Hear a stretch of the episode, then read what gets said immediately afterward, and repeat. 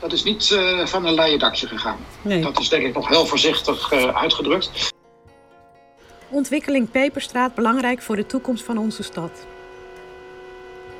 We ontvingen het persbericht van wethouder Hans Krieger die verantwoordelijk is voor Maakzaanstad. De kogel is wat hem betreft door de kerk. De woningen aan de Peperstraat en de Beatrix Flat worden gesloopt. Vanmiddag spraken we met hem. Het is niet van een leien dakje gegaan en hij voelt zich als een boer met kiespijn. Kijk, we weten al heel lang dat we aan de oostkant van Zaandam eh, iets moeten gaan doen. Ja. Eh, een deel was eh, niet meer in goede staat.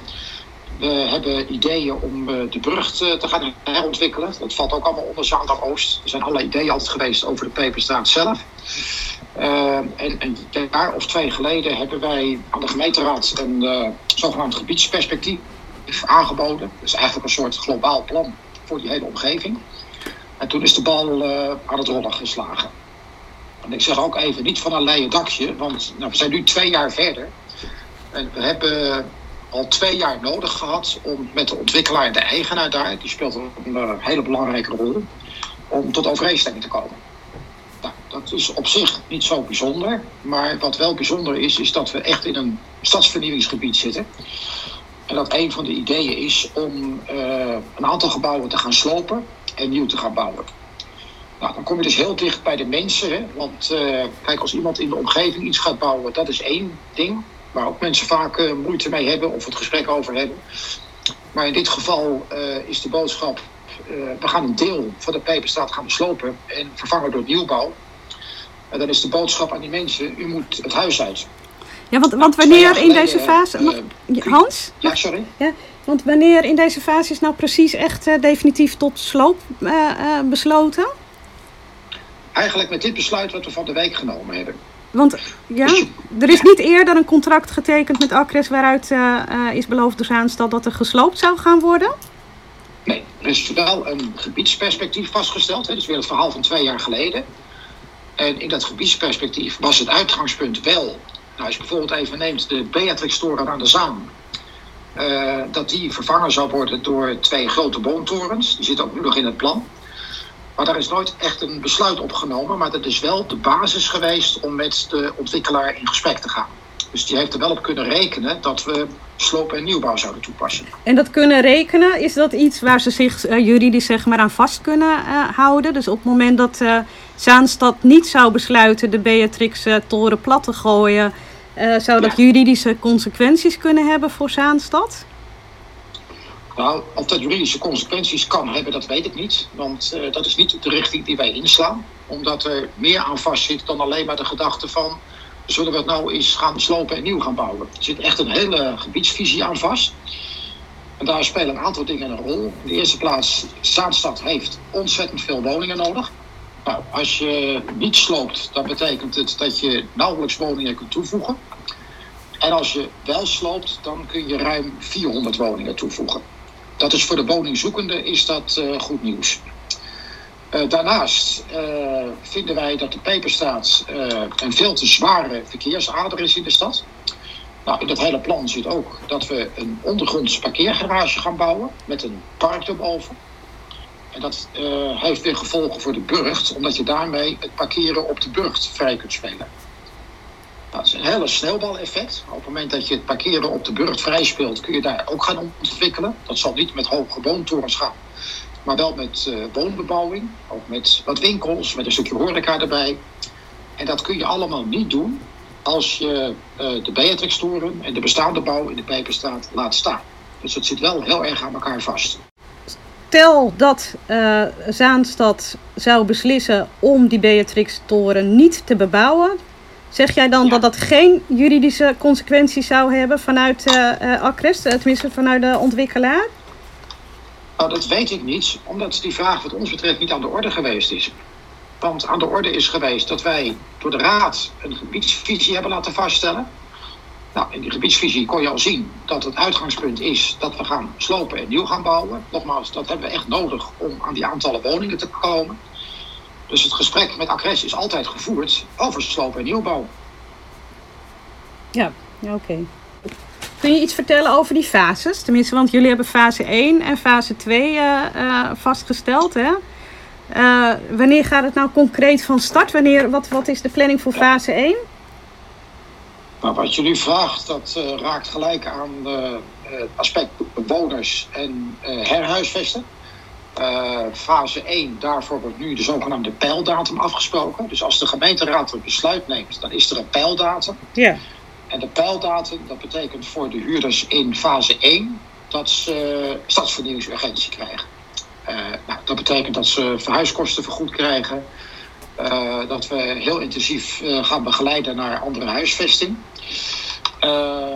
exact de planning en de data van die twee fases heb ik niet. Dat fase 1 nu wat ons betreft snel kan beginnen.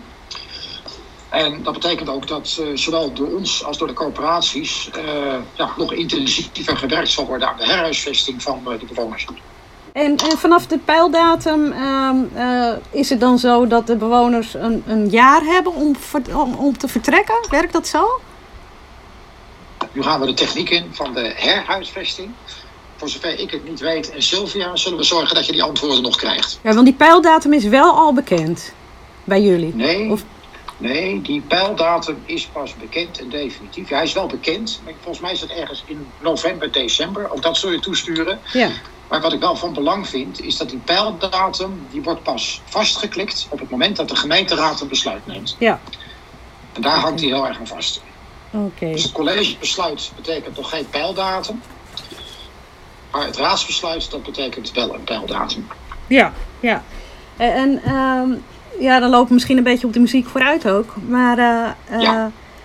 sowieso, de bewoners uh, hebben tot nu toe hebben ze wel bewezen dat ze, dat ze ontzettend bovenop het onderwerp zitten. Dus dat ze zich goed hebben ja. ingelezen. Nou ja, je zou het een heel mooi stuk uh, burgerparticipatie kunnen, kunnen noemen. Hè? Dus, daar kan Zaanstad mm trots op zijn. Maar um, nou hebben ze dus toch ook al aangekondigd om het er niet helemaal bij te laten zitten op het moment dat er besloten wordt uh, te slopen. Dus dat betekent sowieso rechtszaken van die kant. Um, hoeveel ja. vertraging zou dat uh, op kunnen leveren? Ja. Nou, even over die participatie. Daar denken de bewoners dus anders over. die vinden dat wij ze niet goed genoeg helpen. We proberen wel steeds we proberen wel steeds duidelijk te maken dat we echt kunnen helpen als die pijldatum er is, los van wat we gedaan hebben. Als we nu gaan bouwen en ontwikkelen, dan is de participatie altijd een verantwoordelijkheid van de ontwikkelaar. Ja. En wij faciliteren dat en we, uh, we denken mee en we kijken mee. Maar wij denken dat uh, in het geval van de Peperstraat, hè, dus als het echt gaat om stadsvernieuwing, herhuisvesten van mensen omdat ze hun huis uit moeten, dat het beter is om de regie veel meer naar je toe te trekken. En wij zullen ook met de bewoners van de Peperstraat de komende tijd uh, de teugels uh, van ons uit strakker aan gaan halen. Ja. Nou ja, dat, dat rapport van uh, Petra Boom, dat is natuurlijk echt vernietigend. Hè? Dus dat is mega slecht ten opzichte van dat participatietraject. Dus de, ik bedoel, op het moment dat ik zei sterk stijltje burgerparticipatie, ging ik niet uit van een succesnummer van gemeente Zaanstad en Akres, maar gewoon vanuit zeg maar de, de drijf, de zelf. Ja, drijf van de, de, de bewoners zelf. Maar um, dat rapport van uh, Petra, daar staan echt dingen in waar je ontzettend van schrikt. Sterker nog, ja. Petra schrijft zelf in haar inleiding uh, dat ze hier echt van geschrokken is en van onder de indruk ja. is. Terwijl dat natuurlijk haar vak is. Dus dat zegt denk ik ja. wel wat. Um, nou, geef je aan van ja, we hadden het misschien uh, niet helemaal bij de ontwikkelaar moeten laten liggen. Dus dat, dat is iets wat we zouden moeten gaan herzien. Maar uh, jullie hebben het wel bij de ontwikkelaar laten liggen, ondanks het feit juist dat uh, de burgers heel erg mondig zijn geweest, zelfs ook naar het gemeentehuis zijn uh, getrokken. Dus in die zin um, zijn er veel momenten geweest, of veel signalen geweest, waarbij Zaanstad kon ontdekken dat het niet goed ging met dat traject. Mm. En toch voelden de bewoners zich verschrikkelijk in de steek gelaten en eigenlijk voor de, uh, voor de bus geworpen. Uh, trekken jullie dat aan in dit traject? Hoe, hoe, hoe staan jullie er tegenover? Of schuif je dat echt alleen maar naar Acres uh, toe? Nee, nee. Nee, daarom zeg ik net. Kijk, ik vind sowieso dat we ons wat dat betreft al kwetsbaar opgesteld hebben door het, met het rapport aan de slag te gaan. Want wij kregen uiteraard ook die signalen. Wij hebben naar eer en geweten de afgelopen jaren uh, ons goed mogelijk ingezet voor de bewoners. Daar worden de bewoners anders over gedacht. Dat erken ik ook. En al met al was het voor ons ook aanleiding om Petra Boom in te schakelen. Nou, ik herken ook wat je zegt over haar rapport. Ik heb je ook even uitgelegd hoe het in Zaanstad altijd werkt. Dus dat het in dat opzicht ook niet zo verwonderlijk is dat, ja, dat er wel eens wat ruis kan ontstaan. En natuurlijk trek ik me dat aan. Uh, het is niet fijn als uh, over je gemeente dit op papier zetten. En dan vind ik twee dingen belangrijk. Kunnen wij voor de huidige groep bewoners alsnog iets betekenen? En zeker nu in die fase komt van herhuisvesting. Ik denk dat het antwoord daarop is ja, dat gaan we doen. We gaan intensiever met de corporaties in gesprek. Wat ons betreft gaan we ook intensiever met de bewoners in gesprek. Daar zullen we ook over hoe we dat gaan doen. In eerste instantie met de bewoners zelf over in gesprek gaan. En wij hebben ook in ons uh, persbericht al aangegeven, er staat volgens mij ook iets in, dat wij uh, ook de les willen leren voor de toekomst. Nou ja, in jullie persbericht. Ja. In jullie persbericht staat van ja, ophalen wat er leeft onder de bewoners. Dat, eh, dat is natuurlijk ja. uh, iets wat je eigenlijk niet heel erg hoeft op te halen, maar wat jullie al constant naar jullie toe hebben gekregen op een presenteerblaadje. Ja. Dus jullie weten wat er speelt bij de bewoners. Um, ja ja, hoe, hoe ga je nou nog meer ophalen wat er speelt bij de bewoners en hoe kan je daar goed op inspelen? Nou, kijk, het ophalen, uh, je komt nu dus in een fase terecht dat als de raad het besluit neemt. Hè, en jij zegt net even rechtszaken, nou dat zou natuurlijk kunnen. Uh, ik hoop nog steeds voor Zaanstad dat we dit project uiteindelijk tot een goed einde kunnen brengen. Want uh, we kunnen daarmee uh, meer dan 400 mensen die er om staan te springen een dak boven het hoofd bieden. We kunnen heel veel doen aan de leefbaarheid in dat gebied. Dus we laten ook echt wel zien dat het algemeen belang voor ons ook heel belangrijk is. En dat neemt natuurlijk niet weg dat we met die bewoners aan de slag willen om te kijken wat er dan beter kan. Dat is niet ophalen, maar dat is gewoon met ze aan de slag gaan van waar kunnen we jullie een goede andere plek geven. En we denken zelfs uh, aan uh, één op één coaches. Uh, daar is ook ervaring mee opgedaan in het land, in stadsvernieuwingsgebieden. Dat je mensen ook niet ja, collectief helpt of met mailings, maar dat je gewoon iemand aanbiedt die ze helpt bij die herhuisvesting. Dus dat is niet ophalen, maar dat is concrete actie richting de bewoners. Ja, ja oké. Want dan zeggen jullie, het college gaat wat meer regie voeren op herhuisvesting dat klinkt nou niet heel erg uh, concreet of heel erg kordaat. Uh, uh, dat okay, haal ik uit het persbericht, Ja. Maar we moeten ook niet de wijsheid in zoverre in pacht hebben dat we wonderen kunnen verrichten. Want waar ik net ook even mee begon. Kijk, voor de mensen die daar fantastisch in een grote woning aan de Zaan wonen, is dit nog steeds ontzettend ingrijpend. En dan begrijp ik ook heel goed dat je dat in eerste instantie niet wil. Uh, het is ook helemaal geen makkelijke afweging uh, voor het gemeentebestuur. Dat zal straks in de raad ongetwijfeld ook aan de orde komen. Maar je moet heel veel dingen tegen elkaar uh, afzetten. kijk, er wordt ook gezegd van waarom kan er niet gerenoveerd worden? Nou, natuurlijk is daar naar gekeken, maar als je bijvoorbeeld even naar die Beatrix flat kijkt, constructief, kun je dan geen woningen meer toevoegen. Dan is het echt een renovatie.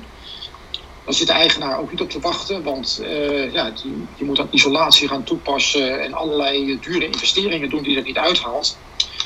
En als wij besluiten om niet te slopen, maar te, te, gaan renoveren, dan is het niet de gemeente Zaanstad die zelf renoveert. Dat is de eigenaar.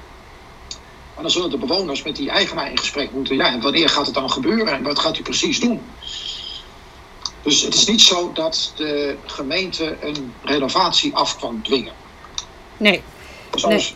Maar dat heeft bijvoorbeeld uh, Petra Boom ook, uh, uh, Boom ook opgenomen in het rapport. Dat, dat er echt ongelooflijk veel achterstallig onderhoud is. Dus dat mensen in de schimmel ja. zitten, dat het verschrikkelijk is. Nou, kan het zo zijn dus dat ze nog steeds een paar jaar daar zullen zitten.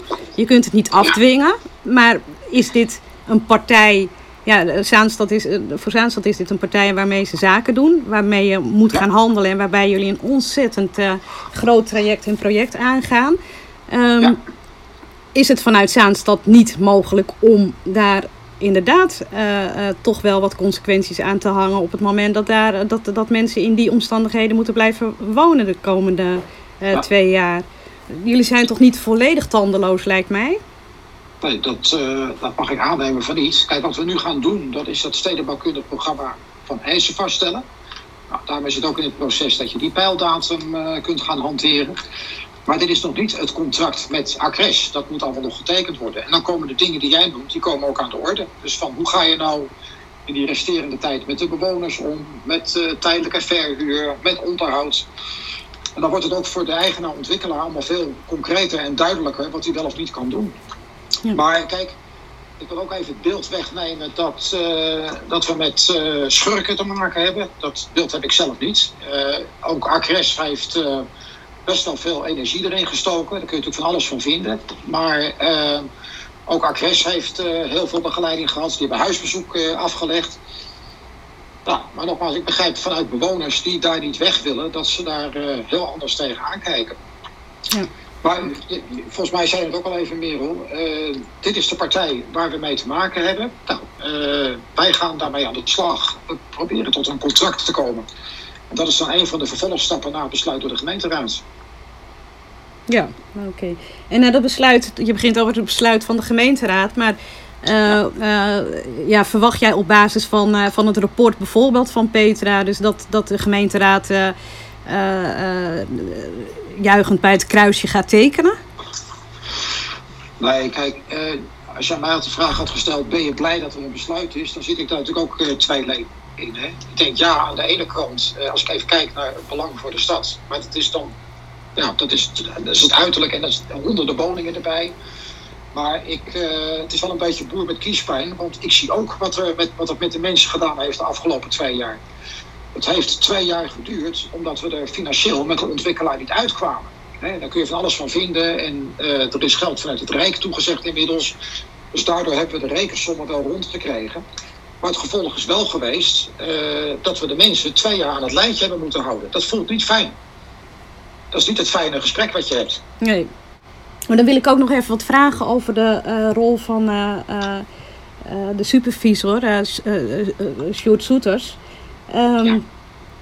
ja. het is een beetje een, een, gek verhaal, tenminste een dubbele petten verhaal. Want Sjoerd Soeters is natuurlijk supervisor geweest bij de ontwikkeling in Zaanstad, hè, Maak Zaanstad.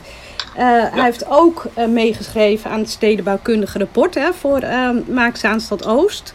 En um, ja. vervolgens is de supervisor verdwenen en ruilt hij de rol in van architect binnen hetzelfde gebied. Um, wat vinden jullie uh, als gemeente van die dubbele petten van Sjoerd Soeters?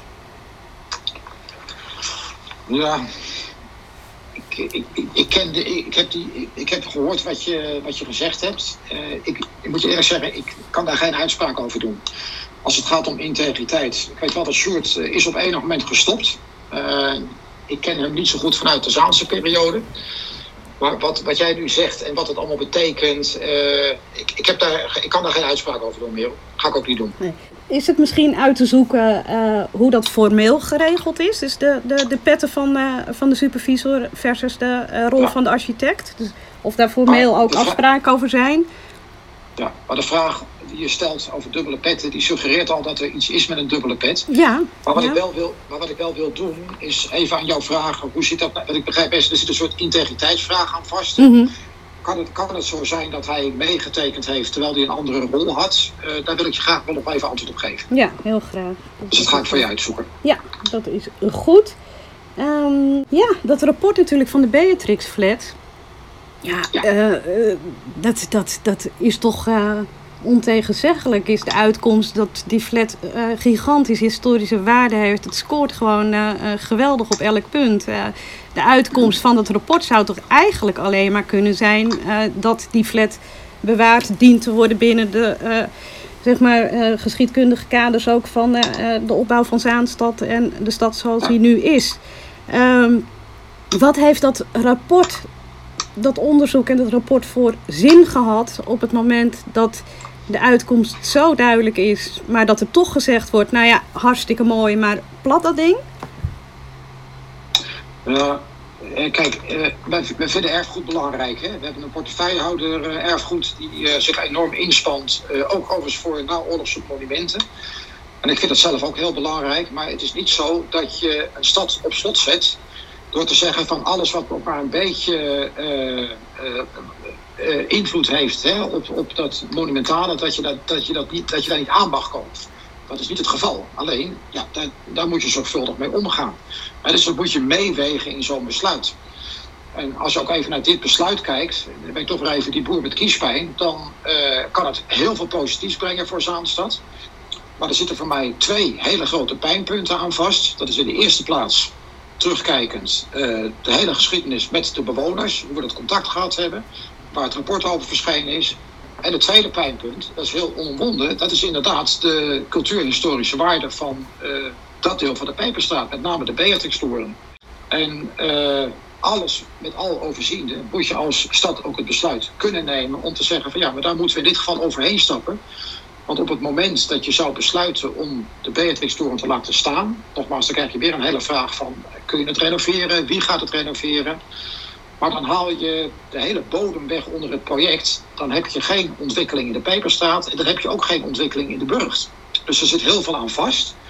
En dat bij elkaar heeft voor ons de doorslag gegeven om te zeggen van nou ja, dan zullen we door die pijn heen moeten. En dan uh, willen wij het besluit motiveren waarom wij overgaan tot sloop van de Beatrix-toren. Kun, kun je dat uitleggen? Want ik snap het serieus niet. Dat uh, nee. de Beatrix-toren die staat aan de Zaan. Die staat los ja. van andere gebouwen die gesloopt uh, moeten gaan worden. Uh, ja. Hoe staat die toren in de weg van de ontwikkeling van de Peperstraat? Dus hoe belangrijk is het om die twee, uh, uh, zeg maar. Neo-Zaanse torens die zijn ingetekend neer te zetten in plaats van de Beatrix-toren voor het slagen of voor het ontwikkelen van de rest van het plan? De Beatrix-toren bevat 28 woningen. En daar kun je niet meer van maken. Dat heeft ook met de constructieve inhoud te maken. Technisch kan ongetwijfeld alles, maar het is echt onbetaalbaar om daar meer woningen van te maken. Je kan er niks bovenop zetten, je kan er niks aanplakken. Die twee torens waar je op doelt, die hebben uit mijn hoofd gezegd iets van 150 woningen. Ergens tussen de 130 en de 150. Er zijn veel meer woningen. En daar zit ook een financiële opbrengst aan vast. En die financiële opbrengst maakt het hele plangebied mogelijk en haalbaar. Ja, oké. Okay. Dus dat is, dat is gewoon geld, in principe ook. Voor dat onderdeel is het geld. Ik wil niet zeggen dat geld altijd alles zaligmakend is. Dat betrek je ook bij je afweging.